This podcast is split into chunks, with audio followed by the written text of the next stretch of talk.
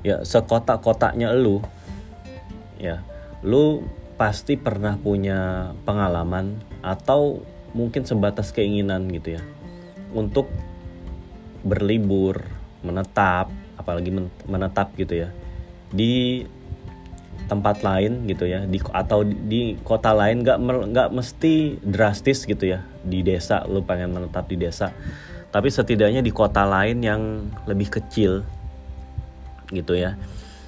Yang mana dengan lu menetap di kota yang lebih kecil tersebut atau berlibur di situ lu bener-bener bisa refresh.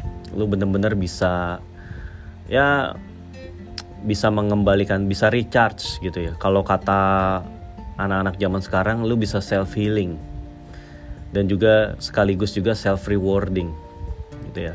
Dengan pergi ke tempat-tempat yang nggak biasa lu datangi tersebut.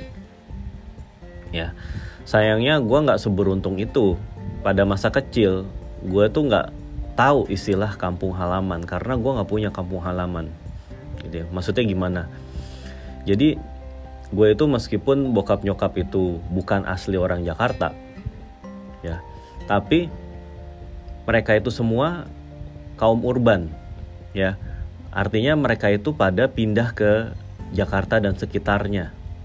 Jadi waktu mereka pada masih muda, kebanyakan dari saudara-saudara nyokap dan bokap gue bahkan sampai ke kakek nenek gue ya kecuali almarhum kakek gue yang masih menetap di kampungnya gitu. Itu mereka itu udah pada pindah ke Jakarta semua gitu ya.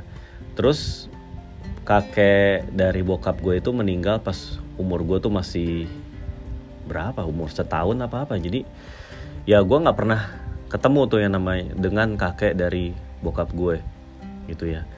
Jadinya ya nggak ada alasan bagi bokap gue untuk pulang kampung ya karena toh bokap bokapnya udah nggak ada.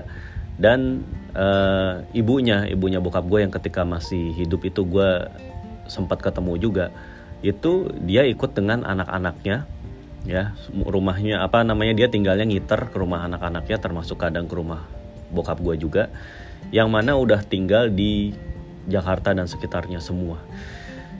Jadi pas saat hari raya pas saat lebaran gitu gue tuh nggak pernah ngerasain sekalipun ya yang namanya mudik ya. Atau pulang kampung ya. Kan kalau kemarin tuh sempat kayak ada ini beda. Mudik sama pulang kampung tuh beda loh ya maksudnya. Ya pokoknya nggak pernah ngerasain mudik lebaran lah intinya. Gitu. Um, sementara satu-satunya memori tentang kota kecil di luar dari Jakarta yang pernah gue rasain itu cuman ada di kota Cibinong. Dulu tuh Cibinong masih kota kecil gitu ya. Cibinong sekarang Cibinong udah bagian dari Depok. Kota Cibinong itu adalah rumah dari nenek gue nenek dan kakek dan nenek gue dari sisi nyokap ya. Dulu eh, kakek gue itu tentara jadi dapat kayak rumah dinas di daerah Cibinong. Gitu. Itulah satu-satunya kenangan gue um, untuk apa ya termasuk cukup lama juga singgah gitu ya.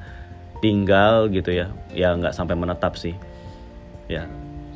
Untuk menghabiskan masa kecil gue jadi dulu tuh tiap liburan catur bulan ya. Mungkin yang nggak ngerasain catur bulan nggak ngerti maksudnya ini. Tapi zaman gue itu masih catur bulan masih cawu ya tiap liburan catur bulan itu gue selalu nginep di situ. Ya kalau liburan cawu satu cawu dua itu kan paling cuman seminggu libur ya itu pun gue masih ke situ paling nggak dua atau tiga hari gue nginep di situ. Nah kalau liburan cawu tiga yang panjang bisa sampai uh, sebulan ya dua minggu atau sebulan lah. Itu gue nginep di situ bisa berminggu-minggu. Seminggu dua minggu betah banget gue di situ. Jadi kenapa? Karena di situlah ya di tempat itulah gue itu ngerasain hal-hal yang berbeda dibandingkan dengan tempat tinggal gue yang biasanya yang biasanya tuh gue ketemu dengan beton-beton yang bukan di apartemen juga sih kayak gue tinggalnya di di rumah di di daerah Jakarta gitu ya. Yang mana ya udah apa sih ya udah biasa dengan kehidupan dengan kebisingan uh, kota besar seperti Jakarta gitu dengan uh, ya lengkap dengan minimnya tempat bermain gitu ya. Pokoknya ya inilah anak-anak dari kota itu sebetulnya juga senang banget kalau diajak ke kota-kota kecil seperti itu apalagi kalau punya teman di sana gitu ya. Nah gue ini karena saking seringnya nginep di rumah nenek gue di Cibinong itu gue jadi sampai punya temen dan punya temen yang cukup akrab gitu. Bahkan sampai sekarang ada satu dua orang yang masih kontak uh, sama gue gitu ya. Nah dulu itu gue nggak apa ya ngedapetin hal-hal yang nggak sehari-hari gue temuin di tempat tinggal gue ya.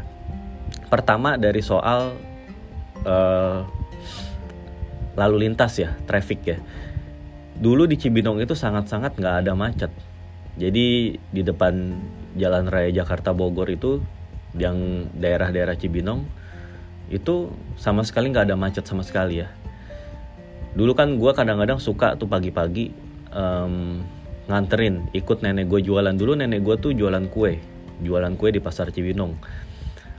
Dia itu sama kakek gue kalau dari tengah malam ya dari jam 3 jam 2 malam gitu jam 2 pagi itu bangun untuk bikin kue yang ngegiling ngegoreng gitu ya. Dan gue kan kadang kalau malam kebangun gitu ya kalau tengah pas lagi nginep di situ tengah malam kebangun gue suka ngeliat tuh gue suka kayak duduk ngeliatin mereka ngebantuin dikit-dikit pengen tahu. Biasalah anak kecil kayak gitu kepo. Nah terus uh, paginya abis subuh gitu ya begitu abis sholat subuh gitu ya langsung tuh pergi ke pasar ya. Pergi ke pasar jadi nenek gue itu bawa tas gede untuk ngebawa tuh semua dagangannya dan uh, nitipin ke toko-toko. Biasanya ke toko-toko Cina yang jual berbagai macam kue gitu. Jadi ada beberapa toko langganan dari nenek gue yang gue sering banget dan gue bener-bener terkesan banget dengan cara itu gitu. Dulu gue ngeliatnya ya uh nggak biasanya nih. Nggak maksudnya eh, nggak uh, biasanya gue datang ke situ gitu.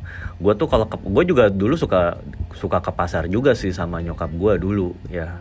Tapi bukan untuk tujuan nganterin kue. Nah kalau nganterin kue ini gue bener-bener kayak nungguin uh, nenek gue naro naro naro dan kadang-kadang juga ikut belanja juga sampai ke dalam-dalam pasar gitu ya. Terus akhirnya pulang lagi naik angkot gitu. Itu hal yang nggak biasa gue temui. Terus um, kadang-kadang juga kalau lagi nggak nganterin nenek gue itu gue suka main bola. Nah anak-anak dari kota kecil tersebut itu kalau bangun pada pagi-pagi ya. Nggak kayak anak-anak gue nggak tahu gue juga heran. Kalau anak-anak di anak-anak kota gitu ya anak-anak di tempat tinggal gue itu kalau pas lagi liburan mereka tuh rata-rata bangunnya siang. Tapi kalau gue tetep gue tuh gue tuh termasuk morning person juga ya. Jadi mau mau libur mau sekolah libur mau lagi sekolah itu berjalan gitu ya. Gue tetap bangunnya pagi. Jadi ketika gue bangun pagi keluar rumah di daerah rumah gue dulu loh kok belum pada orang? Bah maksudnya belum ada orang gitu. Sepi banget ternyata masih pada tidur. Nah kalau anak-anak di kota di Cibinong ini itu mereka pagi-pagi udah pada keluar. Udah pada keluar rumah udah pada main dan udah pada main sepak bola. Dan waktu itu gue seneng banget. Gue pada saat itu emang lagi mengasah teknik main bola gue pada saat itu lagi zaman zamannya SD jadi gue menghabiskan sebagian besar pelajaran main bola gue itu di situ. Pelajaran bagaimana yang ningkatin skill main bola lah di situ sama anak-anak situ. Dan sering banget ya kalau apalagi kalau bicara pengalaman main bola. Dulu kan pada ngerasa dulu dulu tuh gue gue segitu segitunya ya. Padahal Cibinong itu kan gak jauh dari Jakarta. Paling cuman berapa sih berapa belas kilometer dari Jakarta gitu. Atau 20 kilo lah dari 20-an kiloan dari Jakarta. Itu nganggap gue sebagai anak kota banget gitu. Anak-anak di situ dulu ya.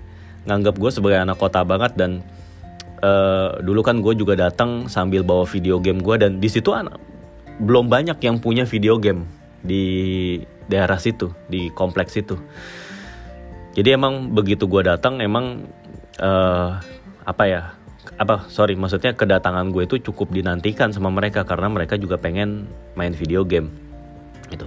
Tapi sebelum main video game itu gue tuh main main sepak bola dulu. Dan ya lucunya ya biasalah. Anak-anak kampung itu juga kadang-kadang suka nganggap enteng. Anak-anak kok gue ngomongnya jadi anak-anak kampung? Ya maksudnya anak-anak di kota kecil itu itu suka nganggap enteng anak-anak kota. Jadi kesannya anak-anak kota itu uh, apa ya ya nggak bakal bisa olahraga lah gitu. Nggak ada potongan untuk bisa jago olahraga gitu. Ya tapi ternyata di situ juga gue ngebuktiin ya jangan salah lo ini sepak bola itu universal punya buat semua kalangan. Ya, artinya ya dari situ gue juga bisa diterima wah bahwa gue gue setidaknya cukup bisa main sepak bola ya bersama mereka. Gitu. Nah terus uh, tadi yang gue ada hal-hal yang gak gue rasain juga selain dari um, anak-anaknya yang dari pagi itu udah keluar main ya.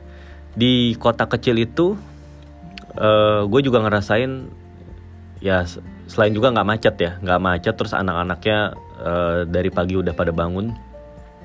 Airnya dulu tuh di daerah Cibinong airnya tuh masih dingin. Jadi ketika gue mandi pagi pagi-pagi gitu ya pagi-pagi disuruh mandi ya itu masih berasa kayak pakai air dari kulkas. Kayak air dingin yang uh, di botol-botolin di kulkas ya mungkin lu nggak ngerasain ya sekarang lu udah pakai dispenser untuk main minum air dingin. Kalau orang waktu zaman dulu belum ada dispenser itu lu mesti ngisi botol-botol bekas sirup yang ngisi air di botol-botol bekas sirup dan ditaruh di kulkas supaya lu bisa ngerasain air dingin. Dan dulu gue mandi di daerah Cibinong itu itu airnya masih sedingin air kulkas. Jadi gue tuh sering banget kedinginan gitu ya sering sampai menggigil. Ya biasalah kalau di Jakarta itu kan airnya ya boro-boro dingin. Dari zaman dulu pun udah berasa rada-rada anget gitu. Apalagi sekarang kali ya. Ya, ya itu juga hal baru buat gue wih airnya dingin. Jadi dan airnya tuh sangat bersih. Dan di komplek tempat kakek nenek gue tinggal itu itu rumahnya juga uh, rumah-rumah yang sangat-sangat jadul. Bentuknya tuh jadul gitu ya uh, rumahnya tuh model rumah yang gede cukup gede. Pekarangan ada pekarangannya luas juga. Ada pohon gede ya. Pohon dulu tuh ada pohon jambu sama pohon mangga di situ.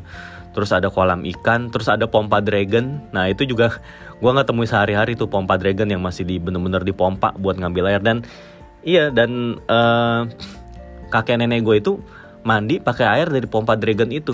Jadi tiap um, jadi tiap hari ya hampir tiap hari juga dia tuh anak-anaknya tuh suruh gantian nimba buat uh, ngambil air di situ dan ditaruh ke bak.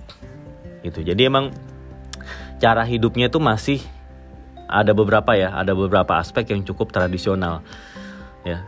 Terus ab abis itu um, tadi selain air Nah, gue juga ngelihat kebiasaan atau cara main dari anak-anak situ juga. Jadi kan namanya juga anak-anak dari kota kecil ya. Di situ itu dulu belum ada sama sekali mall. Belum ada mall, belum ada tempat hiburan dan lain-lain gitu. Jadi ya masih melakukan permainan-permainan yang bener-bener kayak orang desa.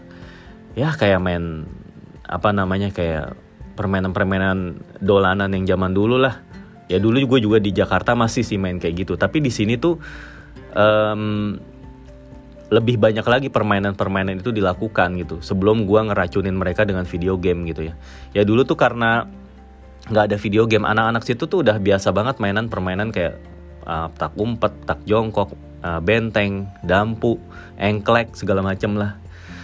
Uh, apalagi tuh permainan yang pakai pakai kayu kayu pohon jambu yang dipukul itu namanya apa sih? Gatrik apa kalau nggak salah. Pokoknya apal deh gue permainan permainan kayak gitu dulu gitu ya. Terus um, di sela-sela permainan nah mereka itu ngemilnya karena juga nggak ada jarang ya. Uh, ada war warung itu jarang di situ dulu ya. Jadi anak-anak itu pada ini pada makan makanan tradisional. Jadi dengan makan singkong dan makan ubi terus dibakar. Dan singkongnya itu kebanyakan nyolong. Ya namanya anak-anak kayak gitu anak-anak kecil zaman dulu ya.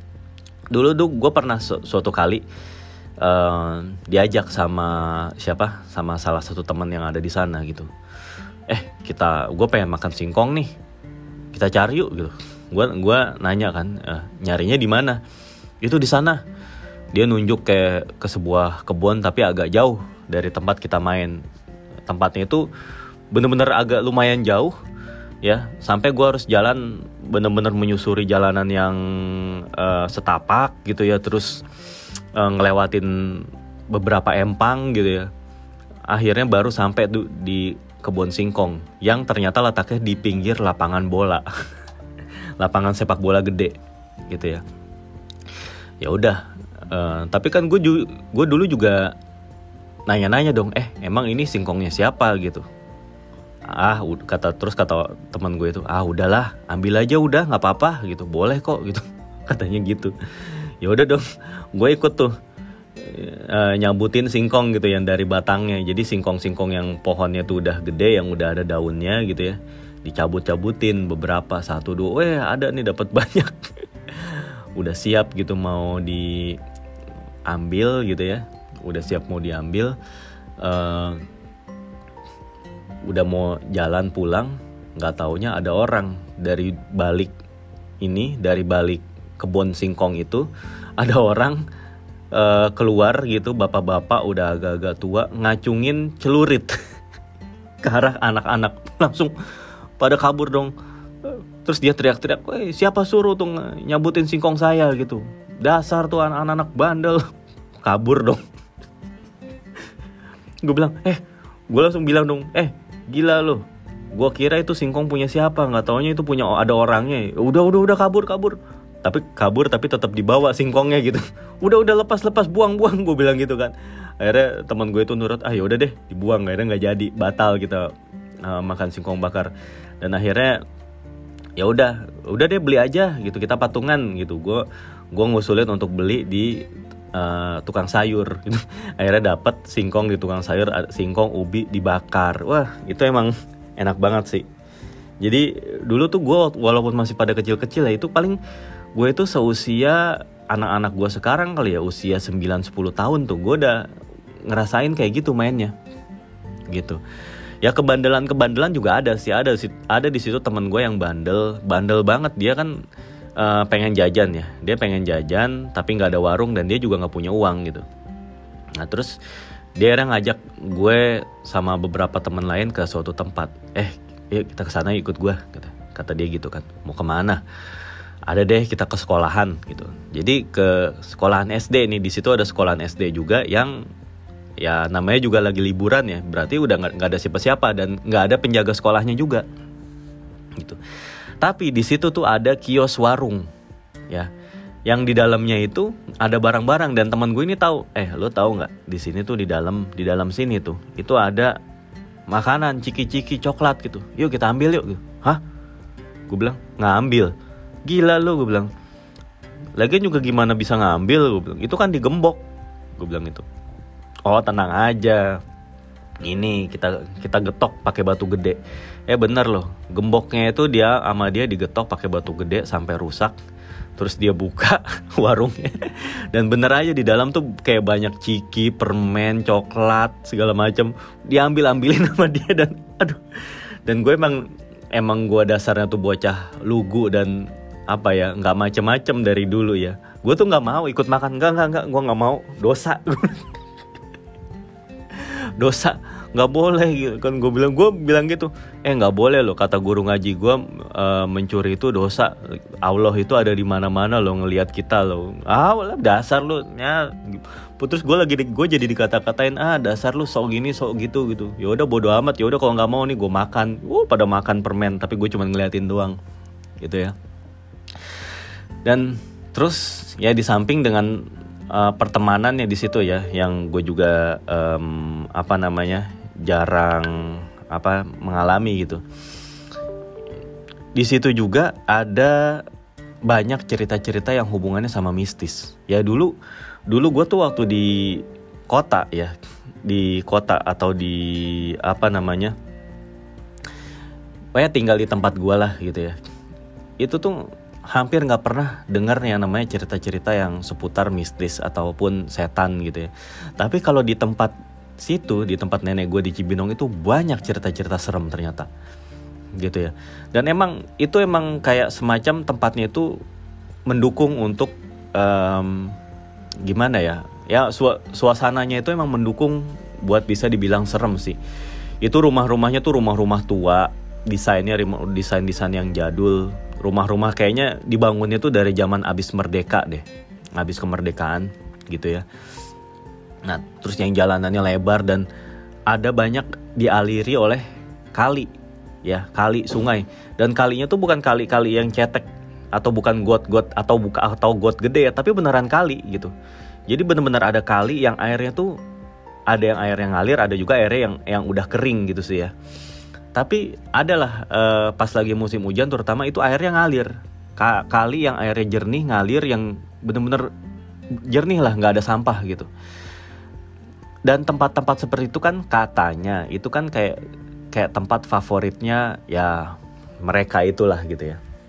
Dan itu gue sering dengar di dekat rumah nenek gue waktu itu memang nggak jauh dari jembatan yang menghubungkan kali itu dan di situ sering banget orang suka ngelihat katanya ya macam-macam penampakan lah. Dan macam-macam wujud gitu. Lo you name it lah ada. Terus di daerah situ juga banyak ya. Namanya juga komplek tentara itu banyak uh, gudang. Jadi gudang itu kan buat entahlah buat pokoknya buat naro stok lah di situ naro barang-barang di situ. Ya dan dan yang namanya gudang itu kan nggak berpenghuni gitu. Nggak ada nggak ada yang jaga. Dan yang itu udah sering banget orang tuh ngelihat ada sesuatu di gudang itu. Dan uh, sayangnya dulu gue nggak nggak nggak pernah bukan kok sayangnya pokoknya gue tuh dulu nggak pernah mengalami yang gitu-gituan karena dulu nenek kakek gue tuh selalu sangat sangat uh, strict.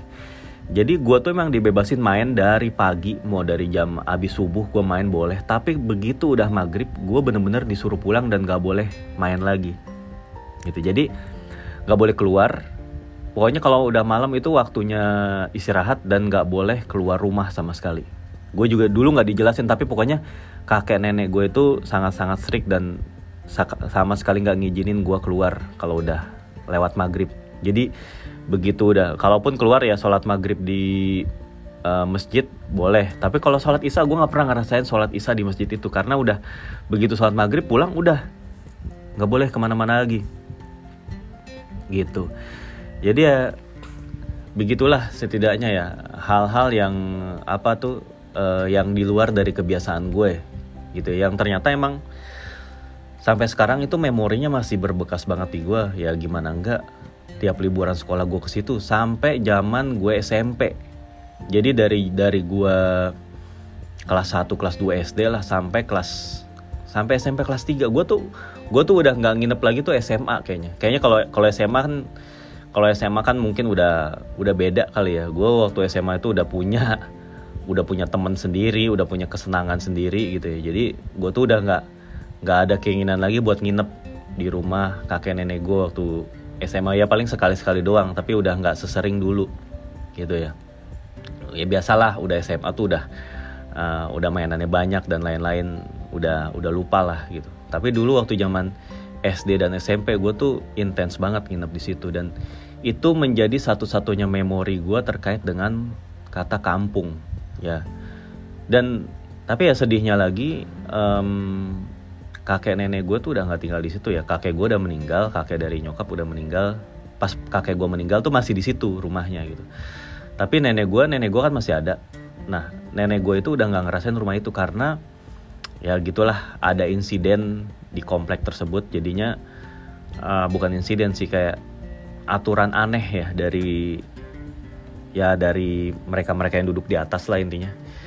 Pokoknya um, pensiunan-pensiunan udah nggak boleh lagi tinggal di situ di komplek itu gitu. Ya akhirnya dengan kata lain diusir ya kasarnya diusir lah dan ya akhirnya udah nenek gue tuh jadi tinggalnya juga sekarang muter-muter ke rumah anak-anaknya dan kadang-kadang juga ke rumah bokap nyokap gue gitu. Jadinya ya udahlah gue jadi nggak bisa lagi main ke situ ke Cibinong itu. Kadang-kadang sekali dua kali sih gue suka masuk ya suka masuk ke komplek itu ngeliat gitu. Gue bengong ngeliatin cukup lama gitu ya rumahnya terus jalanan-jalanan sekitarnya. Gue ngeliatin antara macam-macam lah campur aduk rasanya. Ya antara gue merasa nostalgia karena ini di sinilah masa kecil gue tuh sebagian juga dihabiskan gitu ya. Ada sedih juga karena lo kok nenek gue udah nggak tinggal di situ lagi gitu. Jadinya ya anak-anak gue itu nggak tahu tuh nggak punya tuh memori tentang komplek itu sayangnya gitu ya. Padahal bisa jadi ini juga jadi pengalaman mereka juga dan anak-anak gue kan juga sama kayak gue ya jadinya nggak punya kampung halaman ya. Jadi ya gitulah gue juga jadi rada rada bingung bagaimana memberikan anak gue itu pemahaman bahwa uh, di luar dari kehidupan perkotaan yang dijalanin itu ada loh kota-kota kecil itu ada loh kampung gitu. Yang orangnya orang-orangnya itu hidup dengan cara yang berbeda dari yang kita kita biasa alami dan lain-lain gitu. Dan harusnya sih emang bisa ditanamkan seperti itu. Makanya uh, waktu zaman kuliah dulu sebagian besar jurusan itu ada yang namanya KKN ya. Dan KKN atau kuliah kerja nyata. Dan itu emang biasanya ditempatin di desa-desa supaya mahasiswa itu pada tahu lah bagaimana hidup di desa itu kayak apa sih gitu. Dan apa sih yang bisa mereka kontribusikan untuk kemajuan desa tersebut gitu. Gua rasa sih emang tujuannya seperti itu ya gitu. Dan hmm, ngomong-ngomong soal ini gue juga jadi kayak punya sedikit pikiran sih untuk nanti menghabiskan masa tua tuh untuk di kota-kota yang kecil. Gue nggak bilang di desa. Gue mungkin buat gue sendiri uh, pindah dari desa eh dari kota ke desa itu sesuatu yang sangat yang terlalu drastis yang mungkin gue juga nggak bisa handle jadi gue tuh saat ini sedang nyari-nyari ya berkeinginan ya untuk nanti kalau udah tua gitu menghabiskan waktu tuh di kota yang lebih kecil. Kota yang lebih kecil dari Jakarta yang jelas. Ya nggak usah terlalu jauh nggak usah terlalu drastis juga. Yang penting kriteria gue adalah um, udaranya jelas lebih bersih terus nggak macet airnya juga lebih bersih. Terus um, apalagi kalau faktor orang-orang gue nggak terlalu musingin lah. Terus abis itu um, yang penting fasilitas-fasilitas yang standar itu ada. Kayak yang tadi ATM uh, convenience store terus uh, tempat-tempat ekspedisi ya. Terus uh, sarana transportasi ya. Yang nggak muluk-muluk yang penting ada stasiun keretanya. Jadi kota itu paling nggak ada stasiun kereta yang bisa memungkinkan untuk uh, pergi ke kota-kota lain yang lebih besar dengan menggunakan kereta gitu ya atau syukur-syukur ada jalan tol gitu ya. Ada jalan tol yang ya pokoknya setidaknya dilintasi sama jalan tol dan terus baru lewat lagi jalan lagi berapa kilometer gitu. Jadinya kalau emang apa ya kita tuh nggak bisa pungkiri juga kita udah terjebak terlanjur dalam sistem ataupun mindset sebagai manusia modern ibu kota gitu ya. Yang mana kayaknya kita tuh akan ngerasa butuh gitu suatu saat untuk pergi lagi ke ibu kota gitu ya. Jadinya ya setidaknya untuk bisa ngerasain itu paling nggak tetap butuh kendaraan dan butuh um, infrastruktur jalanan yang emang bisa untuk setiap saat pergi ke kota-kota besar kalau memang ada keperluan. Gitu. Ya udahlah um, gue rasa itu aja untuk di episode kali ini. Jadi kota Cibinong itu sayangnya menjadi satu-satunya memori gue tentang kota kecil yang pernah uh, sering gue hinggapi gitu aja lah. Ya udah deh bye